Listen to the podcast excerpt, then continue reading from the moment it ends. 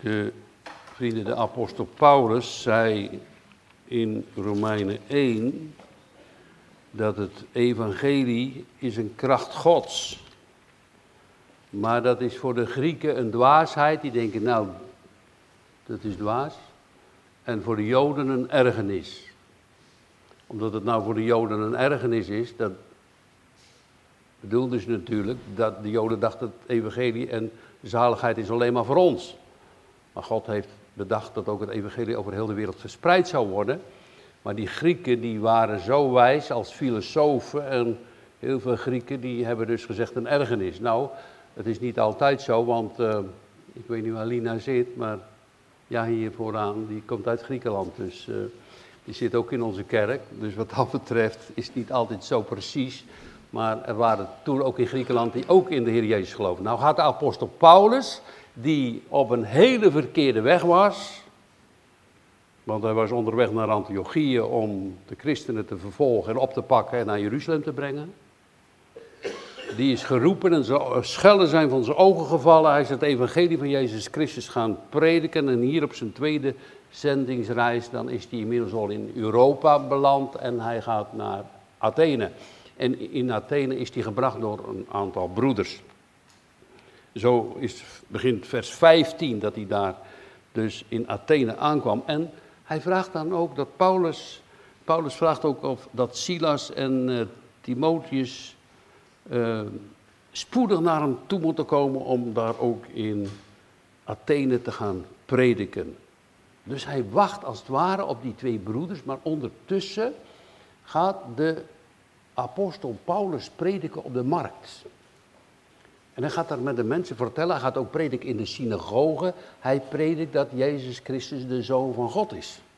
Hij predikt dat de mensen zich moeten bekeren. Hij predikt ook de opstanding uit de doden. Nou, daar snappen ze er niet zoveel van.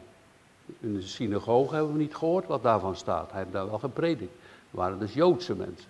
Maar daar op die markt, daar ontmoet hij dus die Griekse mensen. En er waren dus ook wel wijze mensen bij en filosofen. En die hebben dat wel aangehoord en dachten: hé, hey, Paulus, jij moet eens meegaan naar de Areopagus. Daarboven op die heuvel, daar midden in Athene, op die Areopagus, daar zitten de wijze filosofen als een rechtbank en die debatteren met elkaar en die zitten daar op grote stenen stoelen en dat zijn filosofen die denken zoveel na over allerlei dingen. En die kunnen over één dingetje urenlang praten. Hè? Dus stel je voor, je hebt een aardappel, nou dan kunnen ze zo twee uur over praten. Nou, dat vind ik een hele kunst. Maar of je er wat aan hebt, weet ik niet. Volgens mij moet je hem opeten. Ja. Dus, ja, of bakken of iets anders mee doen. Hè? Dus dat, ja, dat deden ze dus. En Paulus was dus door die stad Athene gegaan en hij had daar allerlei afgodsbeelden en afgodstempels gezien. En hij was, ja, je had daar Neptunus, Jupiter en al die. Eh, iemand schrijft al dat er 3000 afgodsbeelden stonden. Of dat waar is, weet ik niet, want ik ben nog nooit in Athene geweest. En of het nu nog is, weet ik ook niet. Maar ik heb gelezen dat er wel 3000 afgodsbeelden stonden in Athene. En daar is de apostel Paulus helemaal door verontwaardigd. Het prikkelde in zijn hart. Hij voelde pijn. En dan moeten we even goed nadenken wat er dan gebeurde met de apostel Paulus. Als hij daar door die straten loopt en hij ziet al die afgodsbeelden en wat die mensen daar allemaal doen. En hij werd geprikkeld in zijn hart en hij voelde uh, uh, eigenlijk een verontwaardiging opkomen. En, en wat, wat is dat dan? Daar heb ik nog even over nagedacht. Dat was niet zo om al die mensen in Athene aan de kant te schuiven. Weg met jullie. Nee, hij was geprikkeld omdat hij pijn voelde in zijn hart. Omdat zijn God daardoor beledigd wordt. Want als wij afgoden dienen. Uh, je kan tegenwoordig chocolaatjes kopen met een boeddha erop en weet ik wat allemaal. Dat, waarom? Weet je, het is allemaal boeddha en allerlei gekke dingen vandaag aan de dag. En er is bij ons ook zoveel afgoderij. Maar daarvoor hoef je de mens op zich nog niet opzij te schuiven. Maar wel dat je denkt, Heere God, wat is dit? Wat wordt u hier vernederd? Wat is dat? Dus Paulus voelde pijn in zijn hart. En al die afgodsdiensten die daar waren, hij, hij, hij had het niet meer. Het, hij was geprikkeld in zijn hart. En, en ehm, een stad die zeer afgodisch is. Nou, wat staat daarvan in de psalmen? Ze hebben een mond, maar spreken niet. Oren hebben ze niet. Oren hebben ze wel, maar horen niet. Uh, ogen maar zien niet. En handen maar tasten niet. Dat die ze maken hen gelijk worden. Iemand die afgodendienst bedrijft, is tegen de ware God die ons gemaakt heeft. Iemand die afgodendienst bedrijft, die keert zich af van de levende God. En God torent zich over dat gedrag. Niet over die mensen op zich, maar over hun gedrag. Nou, en als Paulus daarover predikt en over de ware God, snappen de mensen het helemaal niet. Ze weten niet wat er is. En ze willen hem dan meenemen naar de berg op de Areopagus, waar al die filosofen bij elkaar komen. Dat zijn dus hele wijze mannen. Socrates, Plato is daar geweest en anderen meer. Ik kan een heel rijtje zou je op kunnen noemen. En, en, en die hadden allemaal hun ideeën over hoe het is met de mens en met God. Er was dus ook van die geleerdheid, van die filosofen, uh, van uitgegaan. Ik dacht ook Socrates, en die zegt, ja maar God bemoeit zich niet met de mensen. Jullie moeten zelf maar zien hoe je er terechtkomt. En hij bemoeit zich niet met jullie. Hij is zo hoog en verheven, dat is God. En, nou, dat God de hemel en de aarde gemaakt heeft, willen we dan nog wel aannemen. Tegenwoordig zijn ze al veel verder dat God dat ook al niet meer gedaan heeft. Maar dat is een oerknal en, en al dat soort dingen meer. Dus er is zoveel aan de hand. Een strijd tegen de levende God die de hemel en de aarde gemaakt heeft. Dat we goed op moeten letten. En, en wat is daar voor ons dan belangrijk? Dat we bij het woord Gods blijven, want daar staat alles in. Dat is een bron van leven en van licht. Uw woord verspreidt een licht in mijn hart. Dus die mensen zeiden nou, kijk, eh, God bemoeit zich niet met je hoor. Dus je moet zelf maar zien, een beetje goed leven. En dood is ook dood. Nou, als dat zo zou zijn, hadden we toch niet voor u hoeven te bidden voor uw zus Elisabeth uh, afgelopen woensdag. En hoe vaak heeft God onze gebeden niet verhoord? En hoe vaak is het met ons niet geweest dat we contact hebben en nog steeds met de levende God? Hoe was het niet van onze broeder Steven die vanmorgen zei over mijn kleinzoontje die op sterven was aan de beademing. We hebben gebeden en de Heer heeft verhoord. Het bemoedigt je, het geeft je kracht, het geloof wordt versterkt. Hij hoort ons, hij is bij ons. En hij wil ons niet alleen voor de tijd helpen, en dat is juist het evangelie van de apostel Paulus, maar hij wil ons het eeuwige leven schenken. En dat hebt hij gepredikt. Het is niet zomaar een verhaal dat Paulus daar gaat zeggen, nou dan ga ik hier mijn zakken vullen bij die Atheners. Dat dachten ze eerst wel, dat is, een, dat is eigenlijk een, een, een hij wil ook wat meestelen of meenemen hier van dit volk. Nee, Paulus heeft het altijd zo gedaan, zonder winstbejag. Hij deed het in de opdracht van zijn God. Paulus wist heel veel. Paulus kende zijn eigen hart ook en zijn zonde. En weet je wat ook heel belangrijk is? Als je nou weet waar je vandaan komt. En God wil je door de genade en door het kruis en door het geloof in Jezus Christus oprichten. Vergeet dan alsjeblieft nooit je afkomst. Ga dan niet hoogmoedig zitten doen dat je beter bent dan de andere mensen. Of dat jij meer waard bent dan de andere mensen. Want dan bereik je bij die andere mensen niets. Het is heel belangrijk dat je weet dat God jou dus geholpen heeft. En, nog iets anders, dat hij je voortdurend moet blijven helpen. Want hij is de goede herder. Hij gaat ons steeds voor. Daarom bidden wij, daarom komen wij samen, daarom verwachten wij. Wat gaat er gebeuren, heren, dadelijk? Wil u met mij zijn? Bijvoorbeeld als ik naar het ziekenhuis ga. Of als ik preken moet. Of als er, noem maar op, of jullie ontmoeten gaat. Of, in, of ik ga reizen over de weg. Heren, wil u bij ons zijn? Wij prediken toch de levende God. Die leeft tot in eeuwigheid. Die vol barmhartigheid is.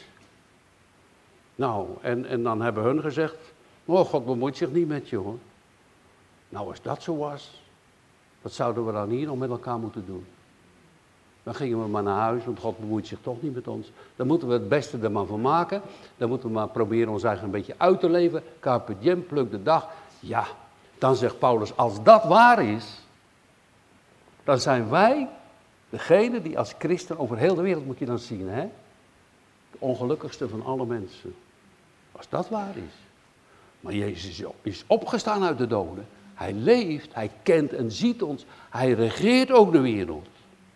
Al denken we bij ons zo, nou het gaat helemaal mis. Maar het staat allemaal op beschreven hoor. Het komt helemaal uit. Zoals ook Jezus op precies dezelfde tijd geboren is. Op precies Gods tijd gekruisigd is. En precies op de derde dag opgestaan is uit de doden. En zo komt hij ook, dat weten wij niet, op Gods tijd terug. Zijn wij dan bereid als hij terugkomt om in de navolging van hem en door het geloof vanuit de genade, door de prediking van het woord, hem dus te aanbieden. En op onze knieën te vallen en te zeggen, heren, u geeft mij een kroon, terwijl u een doornenkroon droeg. Dat wij onze kronen voor hem neerwerpen. U bent waardig, het lam van God, om aanbeden te worden. De levende koning en de levende God. Nou, zo wordt dan de apostel Paulus op die Areopagus uh, geplaatst. Misschien heeft hij zich wel een beetje aangepast om, ook zo'n beetje deftig uh, filosofisch kleed aan te doen, dat weet ik niet. Als je een afbeelding ervan ziet op een schilderij, dan staat hij er wel zo op. Maar is niet het allerbelangrijkste, maar misschien heeft hij dat wel gedaan. Maar we gaan eens even letten wat hij daar allemaal zegt.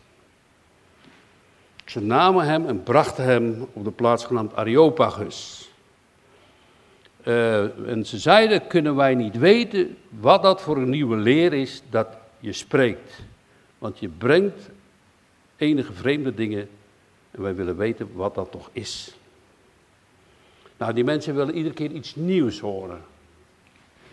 Dat, dat kan ook onder kerkgangers zo zijn. De mensen die naar de kerk gaan doen, ja, ja, dat weet ik nu al. En nu weer iets nieuws. En dan weer nieuw en nieuw en steeds grensverleggend. Steeds mooier, steeds leuker, steeds beter. Maar zo is de Bijbel niet.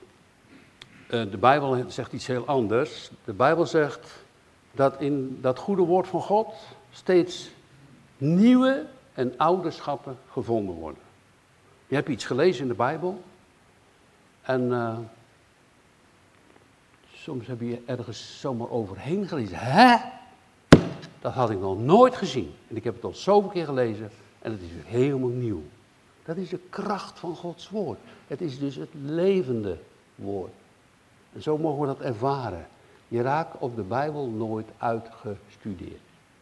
Dat is een kracht Gods. Het evangelie van Jezus Christus. Nou, de apostel Paulus is natuurlijk van harte bereid om dat evangelie, want hij heeft zelf onderweg naar Damascus de almachtige God gezien. Jezus, wie zijt gij? Ik ben Jezus die gij vervolgt. Dus hij weet, en dat zegt hij later ook, hè, dat hij dus de minste is van alle de apostelen. Hij is het niet waardig, zegt hij. Hij gaat ook niet zeggen van, nou ja, kijk, ik nu is. Maar hij is echt nederig. Is belangrijk in de dienst van God. En dan gaat Paulus daar staan en hij zegt, um, geen mannen van Athene. Hij spreekt ze heel vriendelijk aan. Hij kan wel zeggen, nou, wat is dit met jullie? Afgodendienaars. Wat is dat? Eh, let eens goed op. Heeft, heeft Jezus in de gelijkenis met de verloren zoon, toen die verloren zoon terugkwam, ook zo gedaan? Die, die vader die daar staat te wachten, zo, nou ben je eindelijk eens terug. Moet je kijken wat je gedaan hebt, welk verdriet dat ik van je gehad heb. Dat, dat, dat, dat, dat. Nee. Maar zijn vader zag hem van verre. En hij kwam op hem aflopen en hij omarmde het. Er werd niet meer over gesproken, over al die verschrikkelijke dingen die die verloren zoon gedaan had. Maar er werd wel door die verloren zoon gesproken wat hij gedaan had. Ik ben niet waardig dat u mij als uw zoon aanneemt, maar maak mij een van uw knechten. En dan zegt die vader, doe hem een ring aan, doet hem nieuwe schoenen aan en nieuwe klederen. En we gaan het feest vieren van Jezus Christus. Want deze, mijn zoon, was dood en hij is levend geworden. Gij mannen van Athene, ik bemerkte dat jullie heel godsdienstig zijn. Want ik ging de stad door en de schouder jullie heiligdommen. Heb ik ook daar een altaar gevonden en daar staat op de onbekende God. Deze dan die gij niet kent, dient en verkondig ik u lieden. Uh, broeder Jan Hoetebessi, heb jij mijn bril gezien? Ik ben mijn bril kwijt. Oh, oh, ik heb hem op. Zo kan het gaan, hè? Dus dan heb je je bril zo. Dan ben je aan het zoeken naar je bril. En dan heb je je bril op. En zo bedoelt Paulus het. Dat hij zegt, jullie zoeken God, maar hij is heel kort bij. Want door hem leven en bewegen wij. Weet je wat heel opmerkelijk is? Tegen al die afgodendienaars, waar hij zo over geprikkeld was dat zijn God zo onteerd was, was Paulus niet kritisch, hij was niet vijandig, hij was heel, heel neerbuigend als je dit verhaal leest. Dat hij zo rustig met die mensen omgaat om hen te winnen voor het evangelie van Jezus Christus. Hij gaat het ze rustig uitleggen.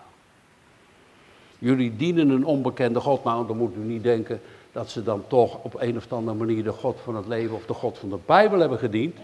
Maar ze hebben waarschijnlijk, zeggen sommigen dan, nou ja, misschien hebben we wel één God vergeten of zo. Dus laten we nou gewoon nog een altaar maken van de onbekende God. Want als we er soms eentje vergeten hebben, zal die misschien op ons kunnen toornen. Dan geeft hij onweer of, of, of aardbevingen of overstromingen. Dus misschien hebben we er één vergeten, dus dan maken we nog een altaar van de onbekende God. Maar ze kenden die God ook helemaal niet. En weet je wat het is? Dat wij vaak ook denken dat wij God zoeken. Maar God zoekt ons. Hij is de alfa en de omega. Hij is het begin en het einde.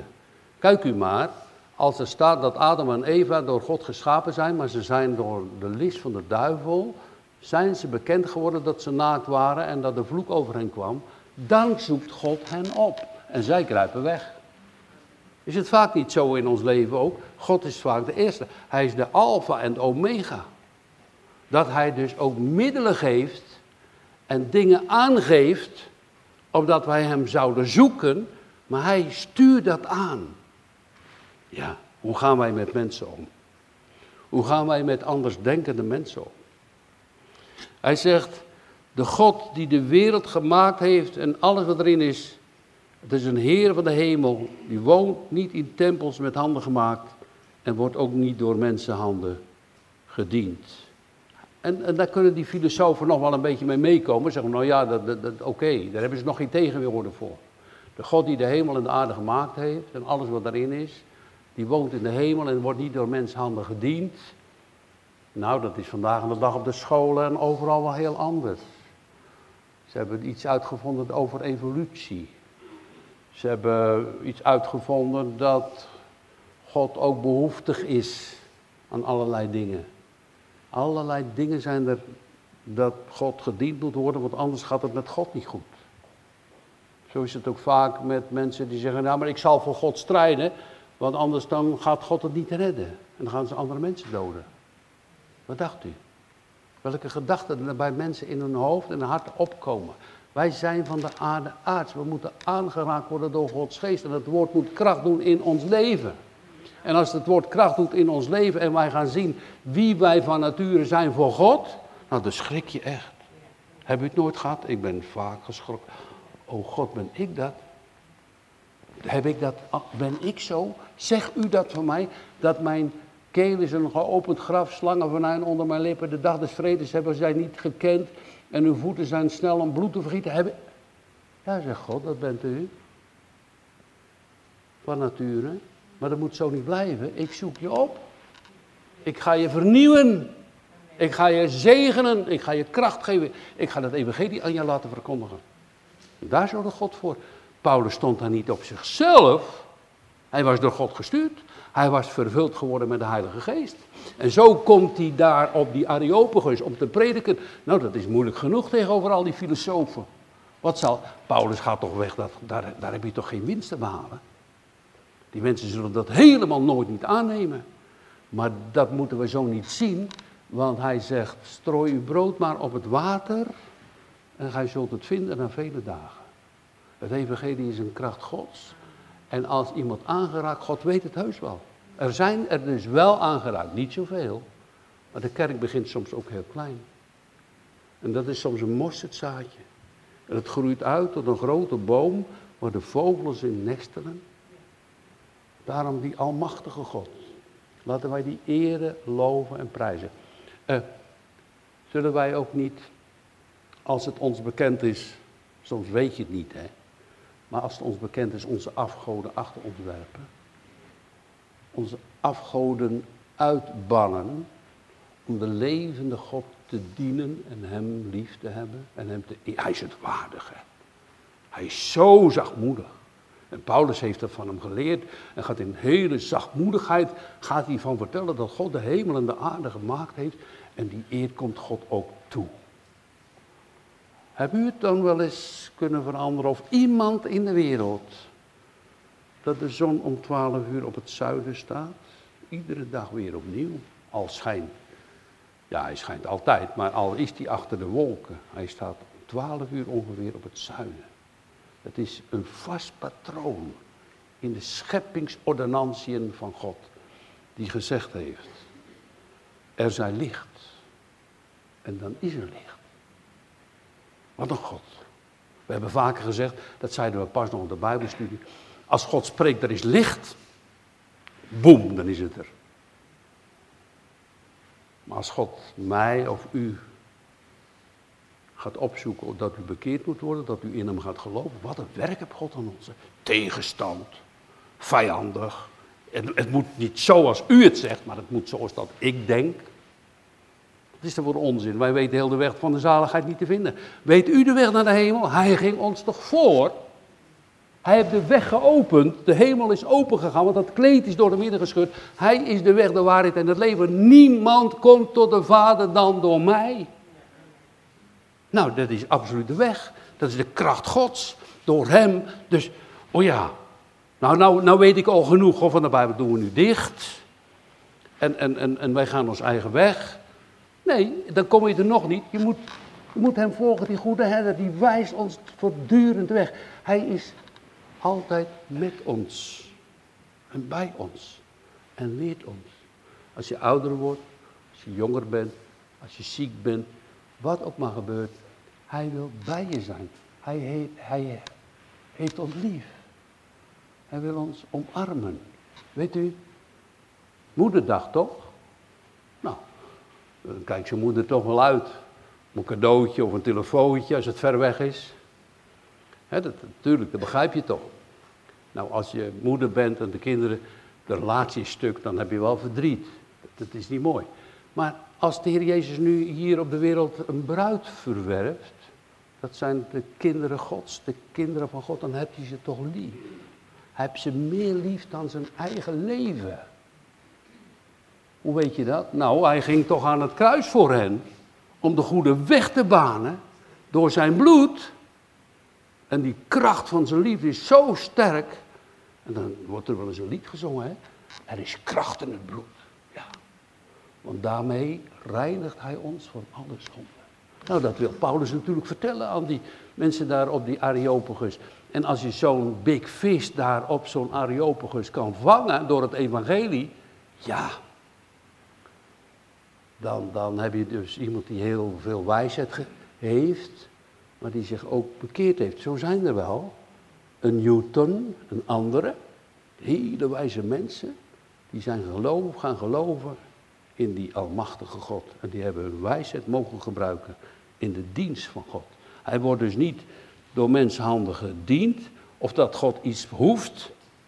En hij zegt, hij heeft uit één bloed het hele geslacht van de mensen gemaakt. En om de, aarde, de gehele aardbodem te wonen, eh, en de tijden tevoren verordineerd in de bepalingen van hun woning. Dus God kent ons. Opdat zij de Here zouden zoeken of ze hem konden tasten en vinden. Maar hij is niet ver van een iegelijk van ons. Nou, dat deed ik net al voor met die bril. Soms zoek je, het is heel kortbij. Want door hem leven en bewegen wij. Dus als je, als je zo blaast, voel je adem. Dat heb je soms helemaal niet in de gaten. Maar al die mensen, dus over heel de wereld, die de adem in hun mond hebben, die hebben de adem, zegt hier de Bijbel, van God. Die adem krijgen ze van God. Als God zegt, die adem stop, dan ben je weg. Dat is van hem. Hij heeft ons gemaakt. En wij zijn zo autonoom geworden dat we zeggen, nou, wij zijn die autonome mensen, we hebben met God niks te maken. Hij laat dat toe. Hij laat dat toe in zijn langmoedigheid. En in zijn trouw en in zijn liefde. Laat hij dat toe. Laten wij ons opscherpen in deze woorden van de apostel Paulus. Dat hij uit één bloede, Adam en Eva geschapen, dat hij ons steeds tot hiertoe gebracht heeft. En met ons leven een groot doel heeft. Een kind van God te worden. Hem te aanbidden, hem te danken, hem te loven. Wat betekent dat? Nou, dan ben je zijn bruid. Wat betekent dat nog meer? Dat betekent dat als je in dat geloof door de Heilige Geest zo aangeraakt wordt en je mag Jezus Christus zien, de waarachtige, levende God die voor jou aan het kruis hing, dat God je aanneemt als zijn kind. Romeinen 8. Door welke wij zeggen, Abba, lieve vader. Nou heb je, als je ouder wordt, heb je geen vader meer. Ik heb mijn vader altijd heel lief gehad. Ik heb hem ook wel eens geplaagd hoor. Maar uh, ik heb hem wel altijd vergeving gevraagd. Maar hij is er nu niet meer. We hebben wel een vader in de hemel. Die zorgt voor ons. Hij zorgt zo voor ons. Dat hij zegt, hier heb je mijn zoon. Ik heb maar één hè. Peer, die gaat, die gaat naar de wereld. Nou dat gaat de apostel Paulus vertellen. En, en dat kunnen die, die uh, wijze filosofen niet bevatten. Dat willen ze niet geloven. Want in hem leven wij, bewegen wij ons en wij zijn gelijk. En wij gelijk ook enige van uw poëten zeggen, want wij zijn ook zijn geslacht. Wij dan, zijn de godsgeslacht, moeten niet menen dat eh, de godheid goud of zilver is of steen, eh, of iets door mensenhanden gemaakt. Eh, en dan zegt hij, dus hij heeft al die afgodsbeelden gezien, goud. Dus de mensen knielen daarvoor en aanbidden dat. Ja, dat heeft echt geen zin. Het is een belediging van de Allerhoogste God. Doe dat maar niet. Als je dat ongedaan hebt, doe het weg uit je leven. Wij kunnen heel veel andere afgodsbeelden, afgodsdiensten in ons leven hebben.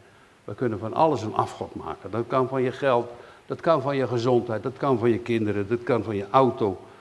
Notabene, ik had een klein butje gereden in een auto vorige week. Nou, dat ging zo. Ik had me wel gemeld, en, maar dat ging zo. De keer die man, ik denk, nou, dat is ook een afgod, hè, die waren. Een hele oude bak, zo vol voor een klein schrammetje erop. Oh ja, uh, het komt wel goed, maar ik denk, wat een afgodderij, hè. Als je in Israël rijdt met auto's, heb ik wel begrepen, zit er ook wel butsen in en deuken. En, en, dat is in de Syrië ook. Maar heel zo'n klein schrammetje, nou.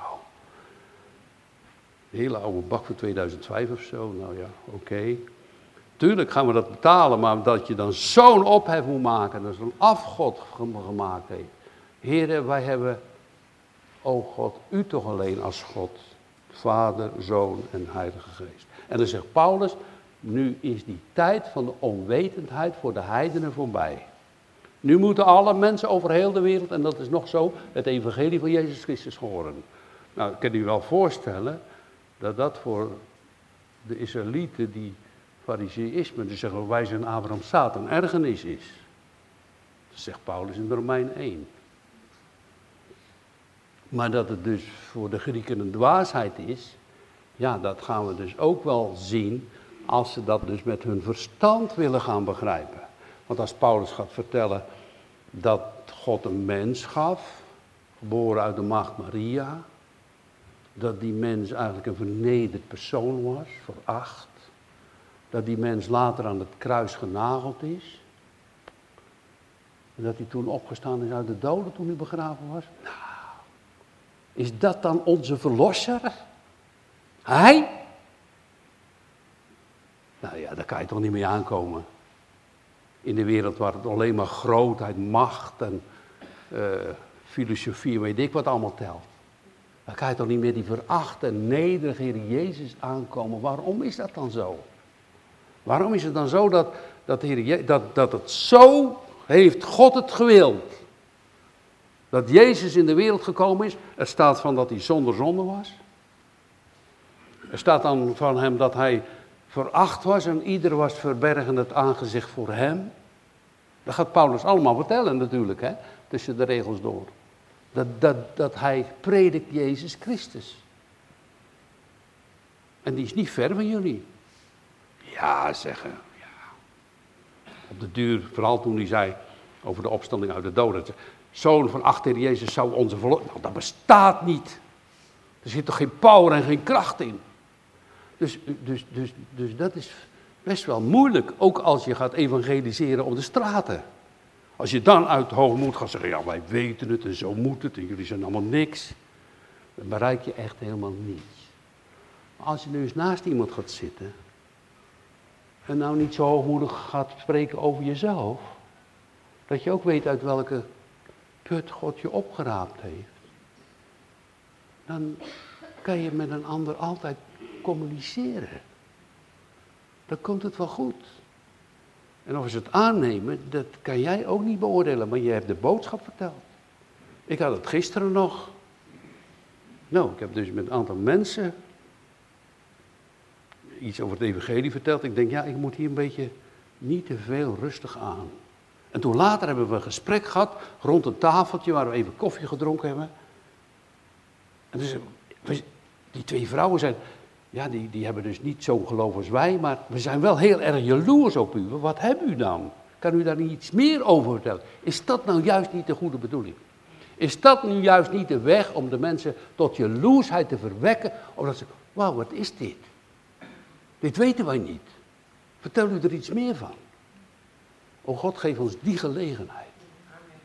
Geef ons die genade. Omdat we dat mogen doen. Want wij zijn hier wel bij elkaar, maar wij moeten ook ons geloof uitdragen naar buiten toe. Want heel veel mensen rondom ons heen gaan verloren. dan hoef je niet naar de Areopagus, maar dan kan je zomaar in de straat en bij de buren of waar ook maar iets vertellen van jouw God. Van uw God, wat hij voor je doet, wat hij voor je betekent. Dat kan niet uit hoogmoed, dat is uit, altijd uit nederigheid. Dat heeft Paulus hier gedaan. En dan zegt hij, dus die tijd van de onwetendheid is voorbij. Alle mensen moeten nu het evangelie horen, of ze het nu willen of niet. En, en dat, ik zei het al, dat is een ergernis van de Joden en de Grieken een dwaasheid. En als Paulus dan gaat vertellen dat Jezus zo vernederd is, dan waren we nog even op dat punt om daarover na te denken. Waarom is dat dan zo? Waarom wil God dat dan zo? Moeten we dat gaan filosoferen of zullen we daar iets van vinden uit de kracht en het woord Gods? Nou, omdat wij zo, vindt God hè, diep gevallen zijn. Buiten God gaat Hij onder ons en raadt ons op en brengt ons op de rots en verlost ons van de boze en geeft ons zijn kracht en zijn liefde en zijn trouw en zijn heerlijkheid en zijn zegeningen. Hij gaat in onze plaats hoe God over ons zou doen en denken als we zo verder leven. En al die verachting en al die moeilijkheden over ons heen krijgen. En dan dag later aan het kruis zegt Jezus, ik voor u.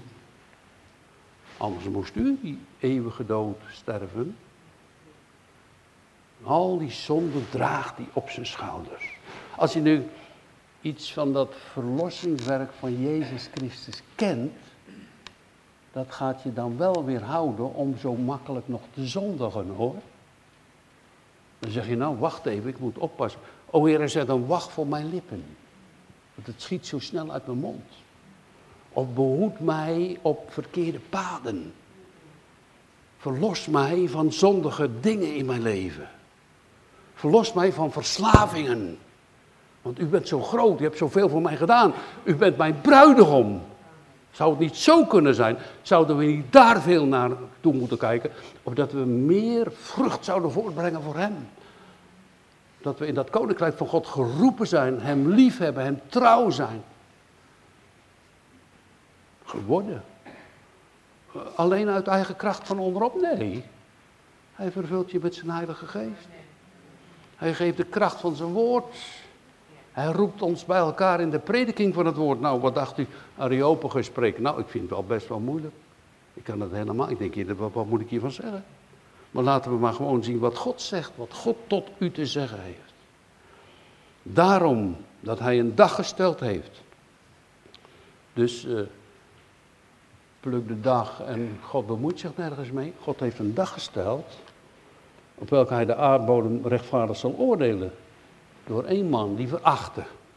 Waar heel de wereld over roept, weg met Jezus. Ze schelden hem en vloeken hem nog steeds uit. Ik heb vaker wel gezien en gemerkt bij mensen, als ze de kans kregen, zouden ze een raket afvuren en Jezus nog uit de hemel schieten. Maar hij een atoombom, ze krijgen het niet voor elkaar. Want hij leeft in eeuwigheid. Dus mens, zo is de mensheid, hè, die zou opnieuw nog weer willen doden. Gaat natuurlijk nooit. Daarom is de Heer Jezus niet weggevlucht hoor, want als hij hier gewoon op de aarde had gebleven, had hij best tegen al die atoombommen opgekund, want hij zegt, dan vallen alle mensen plat neer. Zo is het ook niet, maar dat is zijn plan.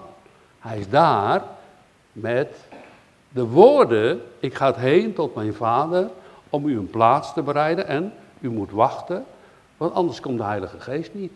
En de Heilige Geest zal u leren en de Heilige Geest zal u brengen en leren en geven dat het evangelie met kracht gepredikt wordt.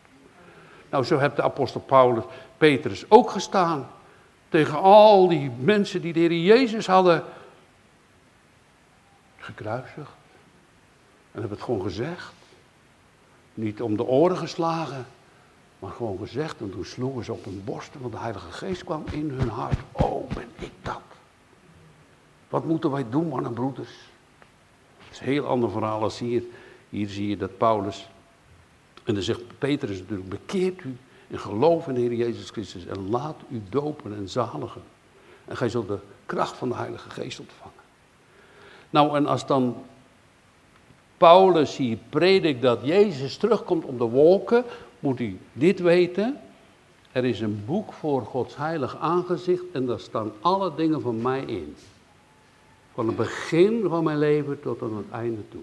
Staat alles in. Staat alles echt in. De boeken worden geopend. Staat er al in. Nou, uh, dat gaat wel fout aflopen. Tenzij we iemand hebben die een borg is. Een middelaar, een redder, een zaligmaker. De Heer Jezus. Voor u. Nou, dan kan je dat lied wel zingen. Mijn Jezus, ik hou van u.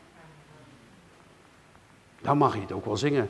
Geen uur, geen ogenblik, zoals ik zo'n mooi lied dat ooit jullie wel eens gezongen hebben. Uh, kan ik zonder u. Elk uur, elk ogenblik. Ik heb u nodig. Dan ga je zo van hem houden. Uh, weet je, ik, ik, heb u dat niet? Wil u ook niet een beetje meer van hem gaan houden? Ik wil zoveel meer nog van hem houden. Bij hem is de liefde volmaakt. Maar bij ons is het ten dele. Het is bij ons nog niet volmaakt. Daarom is er een verlangen in je hart. Een verlangen om nog meer van hem te houden. Om bij hem te horen. Nou ja, als ze van de opstanding van de doden horen, dan gaan ze spotten. Ja. Dus u zegt dat die man die God stuurde, dat hij ook God is en dat hij dus gekruisigd is. En dat hij dus opgestaan is uit de doden en dat dat onze redder is. Nou, ze hebben hem belacht en bespot. Sommigen zeiden, we horen je later nog wel eens Paulus. En dan gaat Paulus uit hun midden weg. Kijk, Paulus was dus een prediker door God aangesteld. Als God uit het midden van een gemeente weggaat, dan is zoals er staat in de brieven van Klein-Azië de gemeente dood. Wij hebben maar, en dat is een oproep, God te bidden dat hij bij ons blijft. En dat meerdere mensen tot geloof komen. En daar heb één broeder van ons een bediening in, in de gebedskring. En als u het te weinig vindt of te goedkoop of geen tijd hebt om te bidden, dan gaan heel veel mensen, omdat u niet te veel bidt, verloren. Dus ik roep u op om bij de gebedskring te komen van de broeder Jan Loetebessie.